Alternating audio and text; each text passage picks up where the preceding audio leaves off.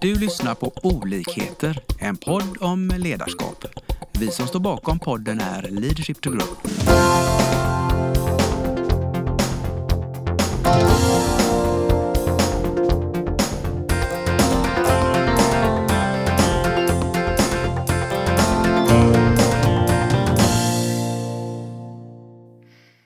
Hej och eh, hjärtligt välkomna till dagens podd av oss på Leadership to Grow och jag heter Thomas Jakobsson och idag har jag äran att ha Ola Ekman som gäst. Ola, vem är du? Ja, tack Thomas och tack för att jag får komma hit. Jag, eh, min bakgrund kan man säga är att eh, hela mitt liv har jag haft ett väldigt intresse för hur man får saker och ting att växa.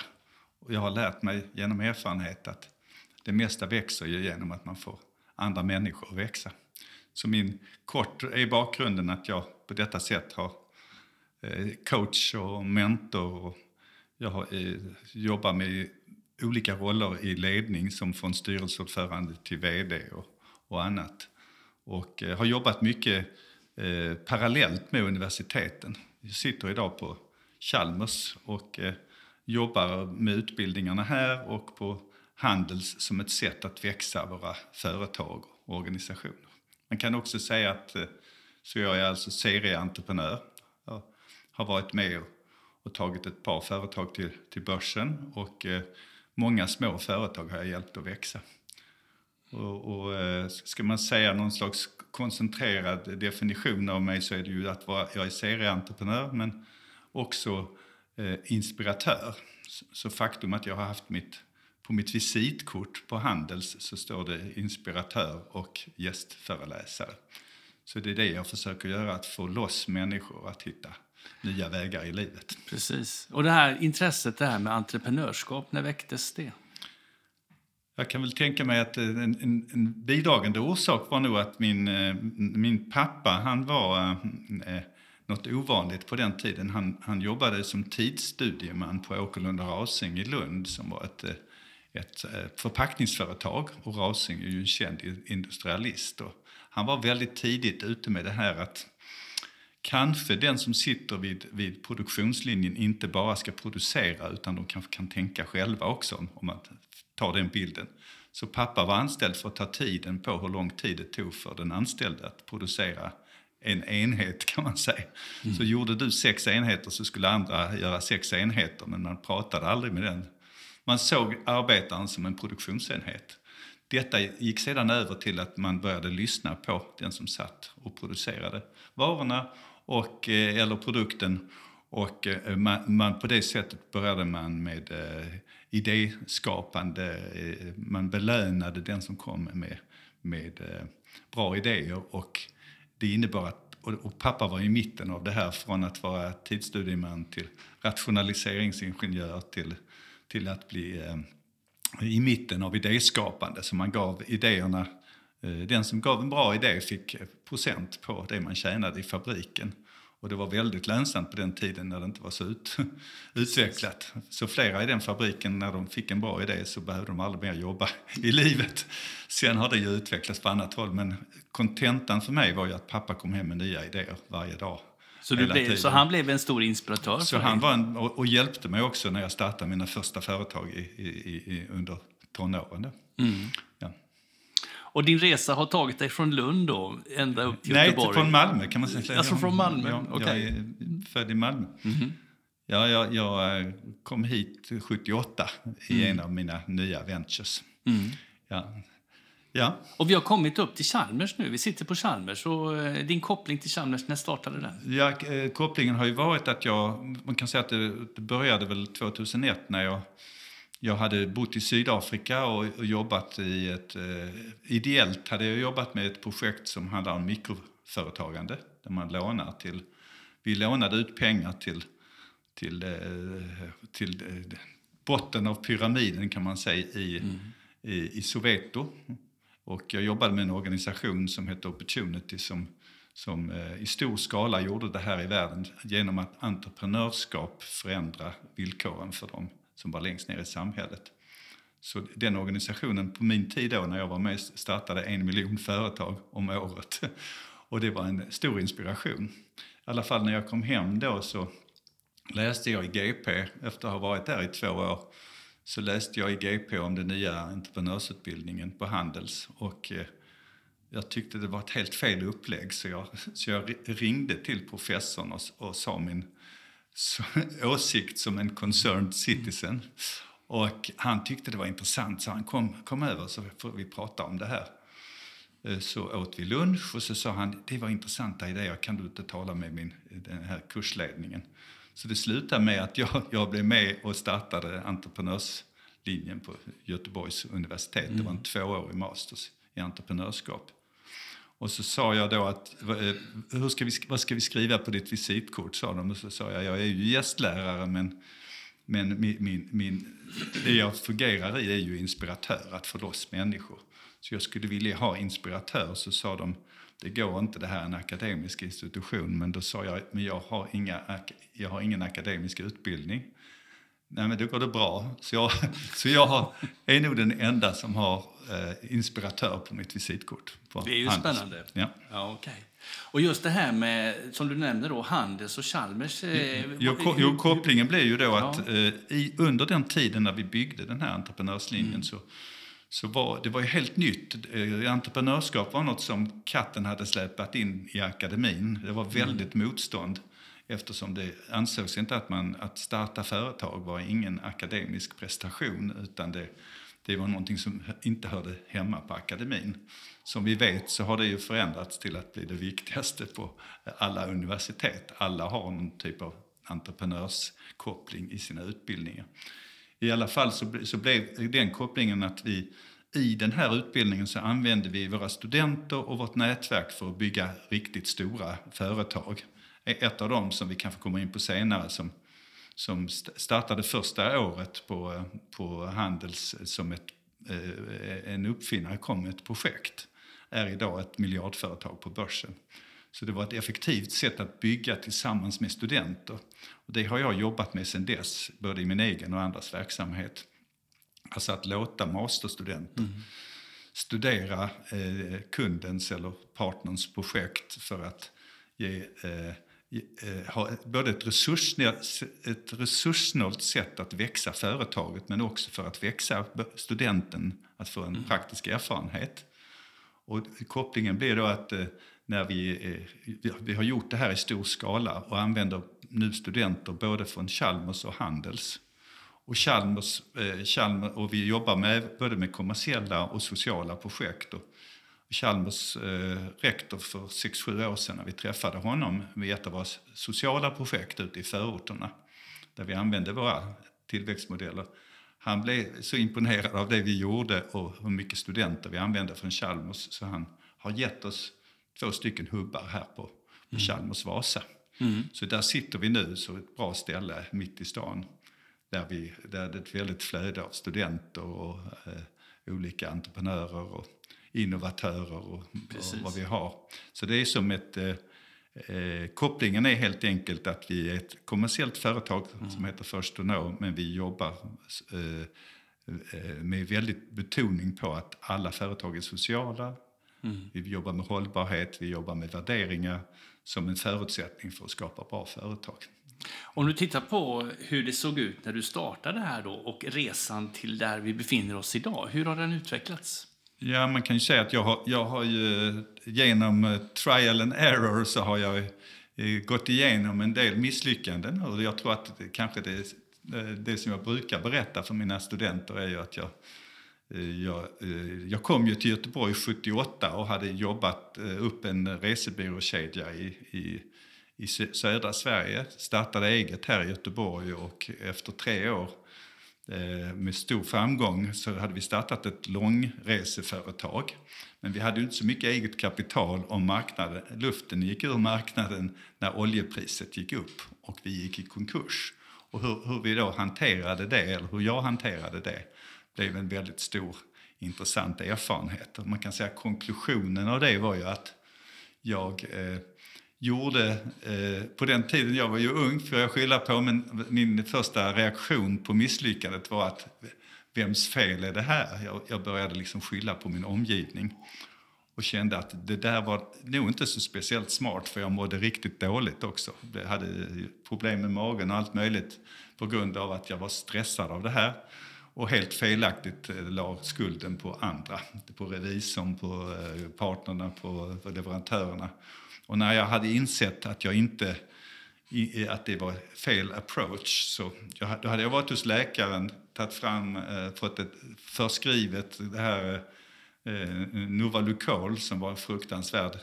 Eh, eh, det var rinnande vätska som man skulle hälla i sig några dag, gånger om dagen. Så jag fick den, gick till apoteket och tog ut och kom ut med två hela bärkassar fulla med medicin.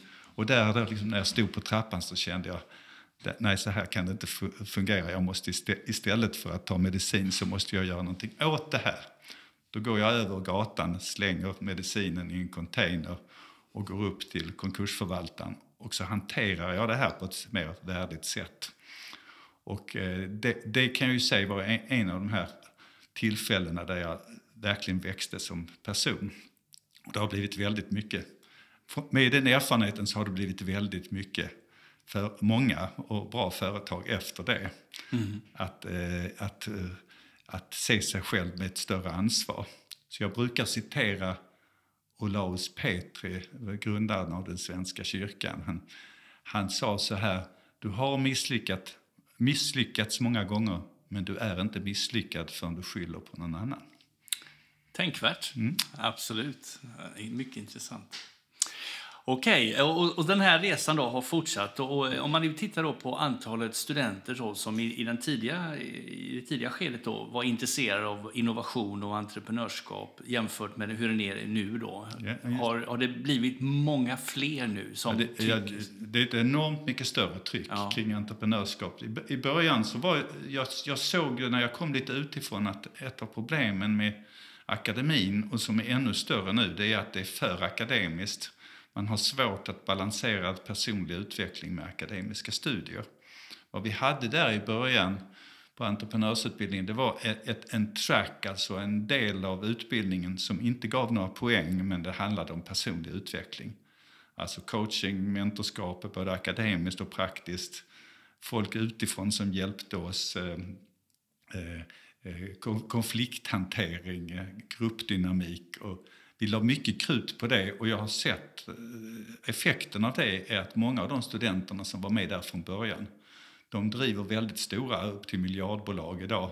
Och mm. det, det har, där nyckeln kanske inte bara var den akademiska studien utan att deras personlighet växte i takt med det. Och då tänker jag, min reflektion på det är ju att vi är ett av de mest självcentrerade länderna i världen och att det är positivt när det gäller självkänsla och så men eh, det som är liksom viktigt i grunden är att din personlighet och din egen utveckling hänger med i rätt takt så du inte plötsligt, som många studenter gör, hamnar i en bransch eller på ett ställe som är på, bara genom påverkan från andra studenter eller genom din bakgrund och så. Att personlig utveckling, det är en nyckel för entreprenörskap. Och den får man ju inte med sig då när man läser ett eh, traditionellt program i eh, akademin kanske? Flera av dem jag jobbar med nu, eftersom jag bara jobbar med sådana bra mm. utbildningar, om jag mm. säger sådana som jag gillar, de har en del av det programmet men de allra flesta saknar all, liksom, väldigt mycket personlig mm. utveckling. Ja. Intressant. Om du jämför då, eftersom du pratade om Sydafrika förut mm, och mm. du har ju ett engagemang i Sydafrika som du gärna eh, ja. kommer att prata om också. Men alltså när du jämför Sverige då, entreprenörskap och innovation och så vidare mm. jämfört med andra länder, Sydafrika, mm. Afrika mm, stor mm. kontinent och med massa länder förstås och, och övriga Europa och så vidare. Vad, hur skulle du bedöma oss i i den jämförelsen? Jag, jag, alltså, om man ska dra lite, eftersom jag har gott om tid, mm. det är ett stort ämne. Men mm. man kan ju säga att eh, min erfarenhet av Sverige och speciellt Göteborg där vi har ett väldigt starkt eh, innovationssystem. Mm. Vi har ett starkt innovationssystem men jag har ju också sett att det går att göra väldigt mycket. Och, det, och jag har ju varit med i väldigt mycket innovationsresor, jobbar med innovation både tillsammans med med företag och eh, stadens organisationer. Så, så ser jag ju att eh, eh, Sverige är en av de bästa platserna att bygga företag. Det beror ju bland annat på, alltså i, om man har internationell jämförelse så har vi ett bra, vi har ett bra skolsystem. Vi har mm. relativt lätt att få, få pengar, både mjuka och hårda pengar. Och, och systemet gynnar bra eh, företag och bra idéer. Det finns en eh, politisk stabilitet som gör att du vet, eh, i alla fall förhållandevis i förhållande till andra länder, vad som ska hända imorgon. Och sen finns det ju också en hel del att jobba med som jag själv är engagerad i eftersom det är entreprenörskap och innovation och ledarskap som jag inne i. Mm. Så, så, så om du säger jämförelsevis så eh, det som vi saknar om amerikanarna har till exempel är kanske lite eh, mer driv och mer större planer och, och annat. Men vi, har, vi är väldigt duktiga på team, att i team bygga företag som är en unik... Mm. Eh, eh, alltså att, att man kan, man, förmågan att inte förhäva sig själv som finns i många andra länder. Inte minst i de länder i Afrika eller i USA där man har lite mer auktoritetstro. Så att det blir liksom bossen som bestämmer allting och då är risken att man, några i teamet försvinner som skulle kunna gjort mycket mer nytta. Så vårt, vårt, eh, vårt eh, teamtänk, vårt grupptänk är, är bra men det är inte så, den biten som vi har att vi ska försöka vara alla till lags det är ju negativt för, för dynamisk utveckling av en att inte våga säga sin åsikt mm. på grund av grupptrycket eller att alla ska vara med och bestämma någonting. Det, det är heller inte så bra egenskap i, i snabbväxande bolag. Nej, precis. Mm. Och när jag tänker på eh, Sverige egentligen som innovationsland så är det ju en, eh, det, det, vi har en fantastisk historia.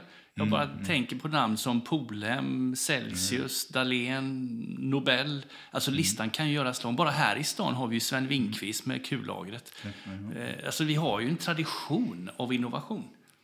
Frågan är om vi, om vi förvaltar den bra och utvecklar den vidare bra på ett, på ett fruktsamt sätt. Detta har ju varit, eftersom jag har jobbat väldigt brett, jag är ju inte i en bransch utan min bransch har ju varit tillväxt, väldigt snabb tillväxt. Och det, det, är det, jag, det är ju det jag har undervisat om i alla år på Handel, så jag är även med på Chalmers i, som industrial advisor och så. Då, då knäcker man ju på frågan, skulle, det här kunna, det, skulle inte det här kunna gå att göra mycket bättre och effektivare? Och, och en, en av bitarna som har varit ett stort projekt för oss de senaste åtta åren, som vi har jobbat med tillsammans med flera stora och små företag, det, det är en tanke att eh, det finns väldigt mycket i innovationssystemet och i, i tillväxtsystemet som, som skulle kunna fungera mycket bättre. Till exempel relationen mellan företag och och eh, universiteten där ofta företagen pliktskyldigast skickar in en massa pengar utan att veta var de tar vägen. Mm. Eh, bara för, för goodwill. Men där, där om man hade haft bättre styr på vad man sätter pengar i och vad man, vad man eh, egentligen får ut av det så tror jag att man skulle kunna ha mycket mer praktisk användning av universitetet mm. utan att förlora den akademiska styrkan. Och hur ska man få akademin och näringslivet då att närma sig Det finns ett problem, det finns ett problem med nuvarande struktur. Eh, och jag, jag eh, har jobbat med eh, Copenhagen Future Institute i många år som, som beskriver framtiden och då finns det inte så mycket hopp för den formen av universitet vi har i världen idag. Det, är, det kommer att vara helt irrelevanta studier eftersom tekniken går så, speciellt inom vissa områden. Tekniken går så snabbt så att inom ett antal år här så kommer den som gör en mastersutbildning här på Chalmers att när de är färdiga med utbildningen så kommer den, det de har utbildats till eller den mm. senaste tekniken den kommer de inte kunna använda för det har kommit ny teknik.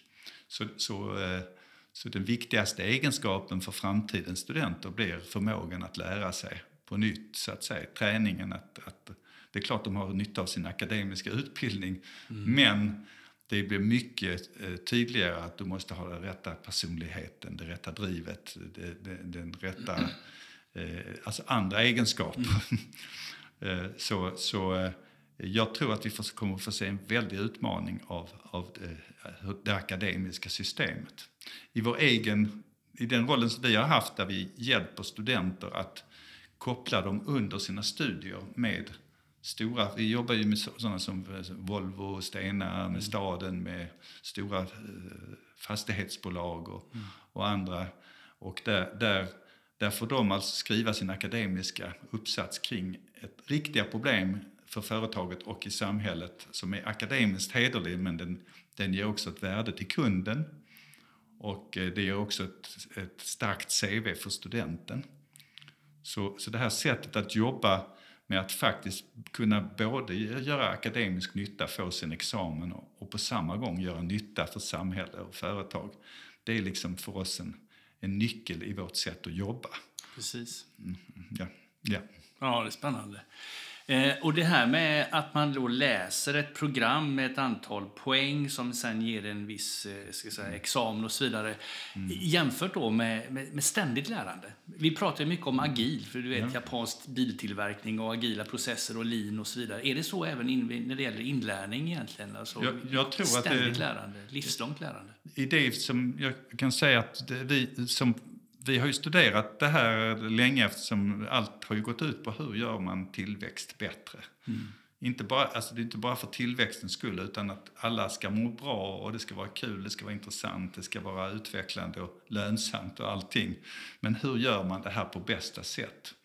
Och vi har väl funnit att i den affärsmodell som vi fortfarande utvecklar, vi har, vi har en, eh, vi har en eh, Societal Innovation eh, Hub ute på Hisingen som vi driver med eh, Castellum.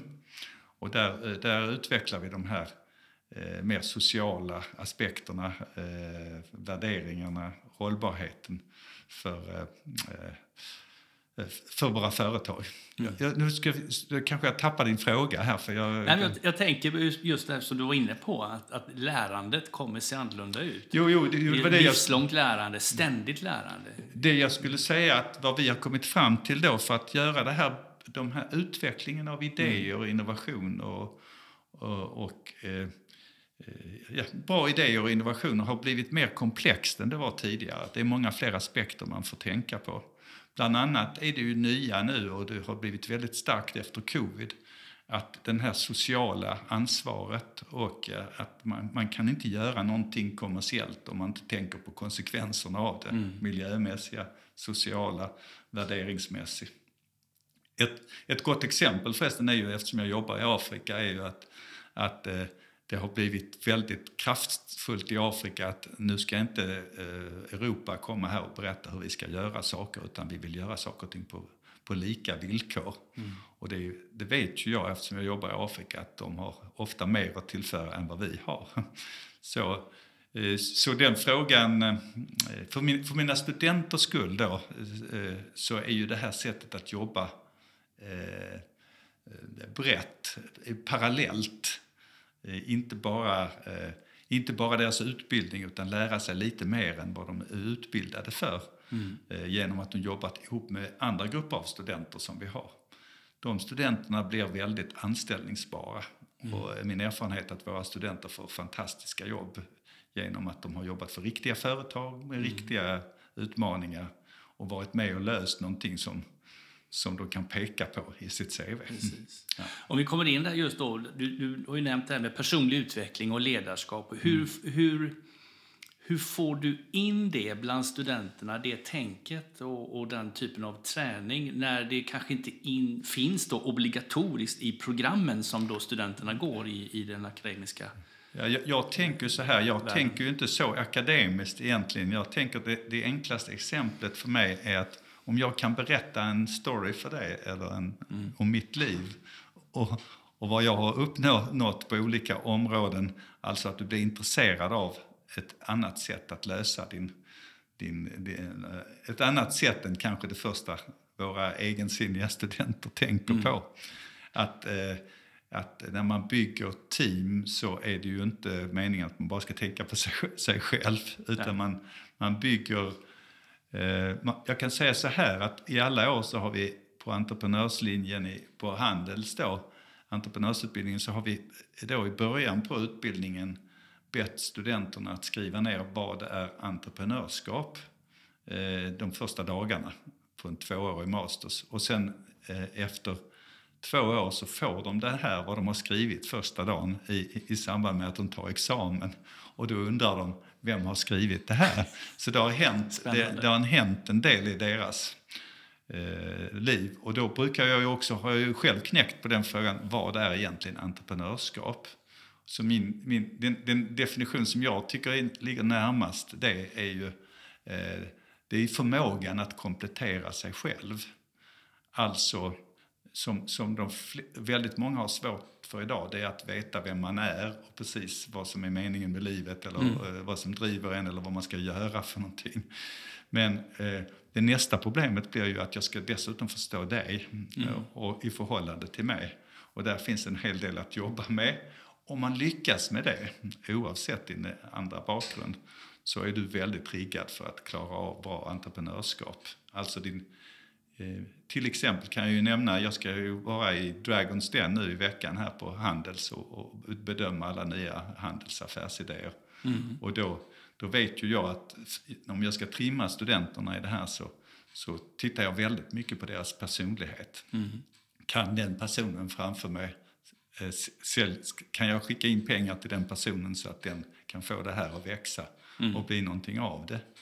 Och där ser man ju, till slut så kommer du ändå bedömas på din personlighet. Du kommer inte få jobbet i framtiden om du inte har en, eh, ja, de egenskaper som krävs av mm. Eh, grupp, grupptänk, generositet, delaktighet eller vad det kan mm. vara för någonting.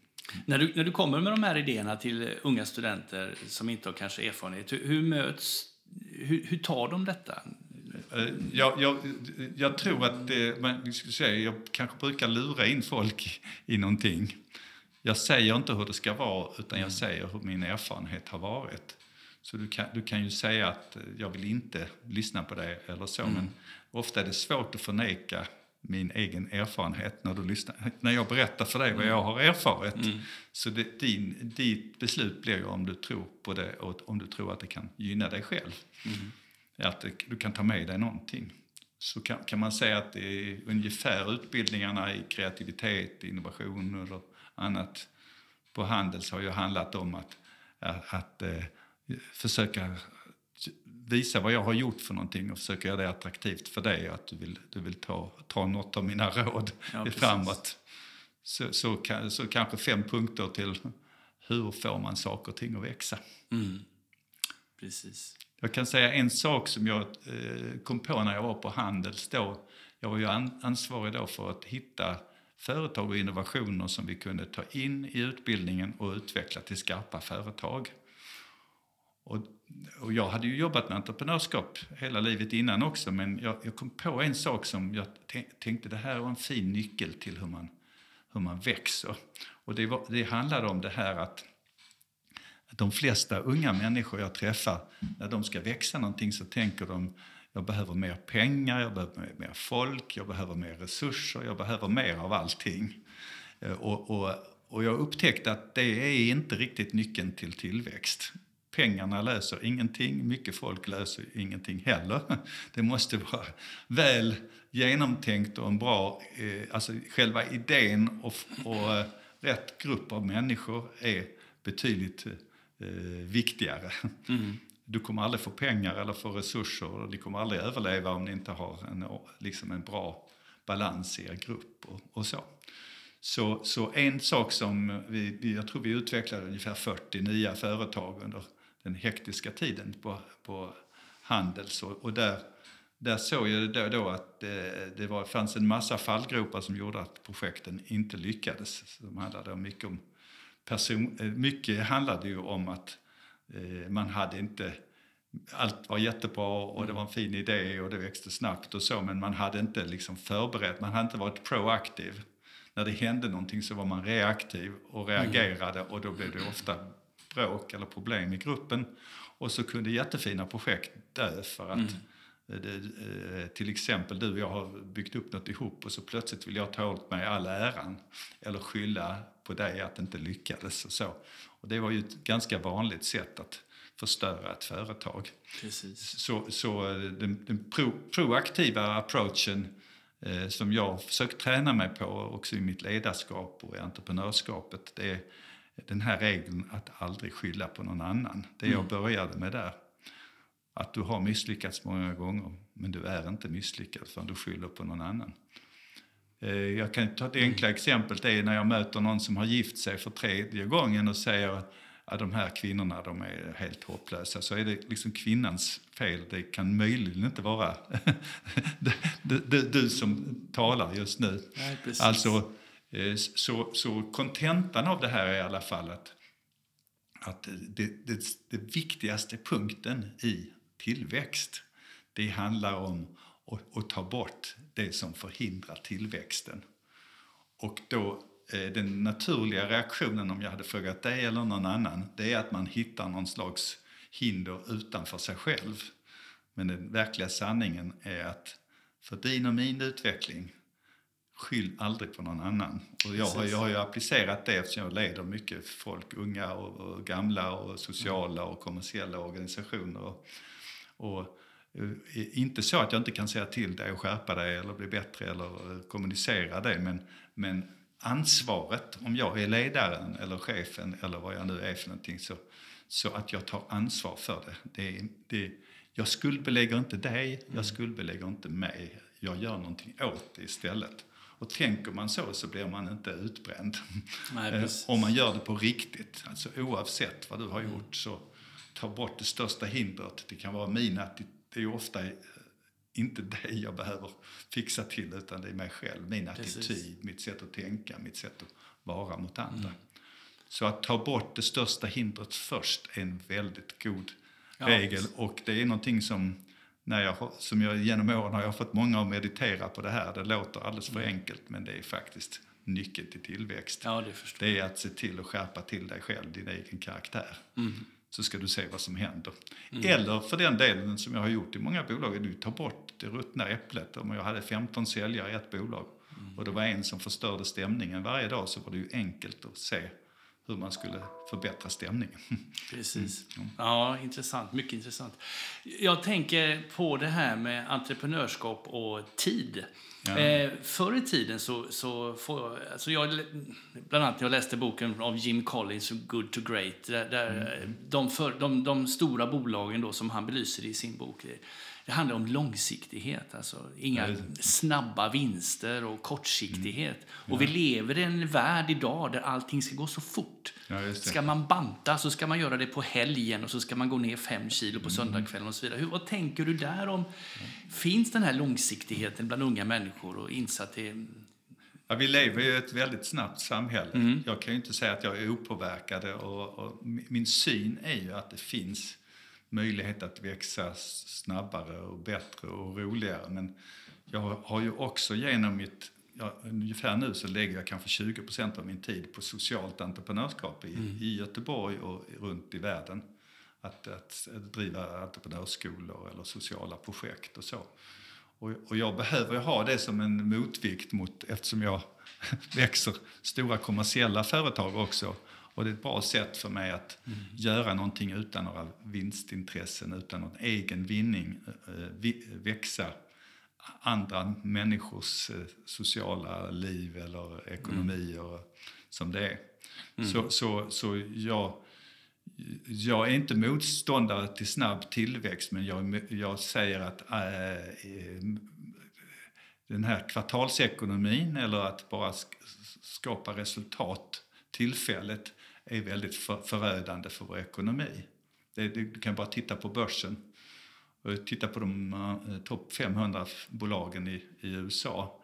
Det har ju gått för, för, för 50 år sedan så ha, överlevde de ju eh, 50 eller 60 år. Nu är kanske överlevnaden 10-15 år i genomsnitt. Och det beror ju på ett sätt att se det att eh, till exempel i eh, amerikansk tänk att det är, det är chefen som får all, all spotlight istället för mycket bredare. Precis. Så när han slutar så maximerar han vinsten och så det, tar du över sen och så rasar bolaget och så är det liksom kvartalsekonomin istället för att tänka socialt, långsiktigt och hållbart. Mm. Så i, i nyckeln i vår verksamhet det är att eh, vi gör ingenting som inte är socialt, miljömässigt och, och moraliskt hållbart. Men det är ingen motsättning. Det är själva förutsättningen för att bli långsiktigt Precis. mycket lönsammare än du kunde vara på kort sikt. Mm. Spännande. Mm. Jag skulle ställa en sista fråga. och Det mm. handlar om din syn på ledarskapet och framåt. Vad ser mm. du? Det är en stor fråga förstås, som ja. vi skulle kunna prata mycket om. Men rent spontant, ledarskapet 2020 nu och, och, framöver och unga människor. Vad ska man tänka på? Vad ser du för trender? Jag, jag, jag ser ju att, eh, i alla fall i min egen uppfattning så, så är ju utveckling av nya produkter och, och tjänster, det kommer att kräva en mycket snabbare process. Men det behöver inte vara en motsägelse. Problemet eller utmaningen vi har är att göra den processen eh, en parallell process som kanske kräver väldigt mycket fler resurser. Men vi kan göra det på kortare tid genom att vi breddar sättet som vi skapar innovationer och idéer. Och som vi gör här, det är ju till exempel en av mina senaste kunder så, så, så hade jag förutom mina 10 konsulter så hade vi 20 konsulter från Handels och, eh, och Chalmers som, som jobbade i ett parallellt, på ett parallellt sätt med områden kring de här produkterna och tjänsterna som konkurrenterna inte gjorde. Och därför hittade vi helt nya sätt att visa kunden ett stort börsföretag helt nya sätt att göra, utöka sina affärsområden. Alltså förstå kunden på ett nytt sätt som man gav ett nytt erbjudande som i längden blev mycket mer lönsamt än det man, äh, än det man hade. Mm. Så definitivt att det blir en nytt sätt, ett nytt typ av ledarskap som kräver en förmåga att hålla samman mycket mer Eh, bollar i luften än man har gjort tidigare. Och lyckas man med det, som vi kallar the space, att fylla det här utrymmet med rätt typ av människor och med rätt kapacitet och sånt så kommer vi få både mycket roligare och trevligare för vi, vi lär oss en massa andra branscher under tiden. Vi är inte mm. bara ingenjörer eller bara ekonomer. Ledarskapet kommer också kräva att du kan inte, precis det som jag började med, det kommer också kräva att du inte bara är det, det, du har utbildats för. Du måste, du måste ha en mycket bredare approach mm. och förstå dina ekonomer, förstå dina ingenjörer, dina designers, dina, deras sätt att tänka. Så design thinking som vi använder, det, det kan man ju sammanfatta med att det egentligen är sunt förnuft. Det är bara det är så väldigt få som har sunt förnuft. Mm, om man nu det är en bristvara, tycker du? Ja, det är en bristvara, men jag, jag, jag vänder mig till mig själv då ja, först och säger att om jag ska börja kritisera någon med utgångspunkt från vad vi har sagt mm. om, så får jag börja med mig själv och inse att väldigt ofta så har jag inget sunt förnuft utan jag måste skärpa till mig eller skapa resurser utifrån så att jag går på rätt väg. Ja, precis. Så mycket av utmaningarna som vi ser framöver, de börjar hos oss själva som individer. Jag tror det, det är den stora jätteenkla sanningen, mm. men vi mm. vill ju inte se den. Det, är det sista vi går till är att skylla på oss själva. Ja, precis. Det får bli slutordet mm. för den här podden. Jag är jätteglad att jag fick komma hit. Tack så mycket. Stort tack, ja, tack för denna pratstunden. Vi hoppas att vi har väckt tankar om hur du kan utveckla och stärka ditt personliga ledarskap. Följ oss gärna på våra sociala medier där vi heter Leadership to Grow. Om du vill ha mer inspiration och verktyg, gå in på vår hemsida leadershiptogrow.com. Tack för att du lyssnar.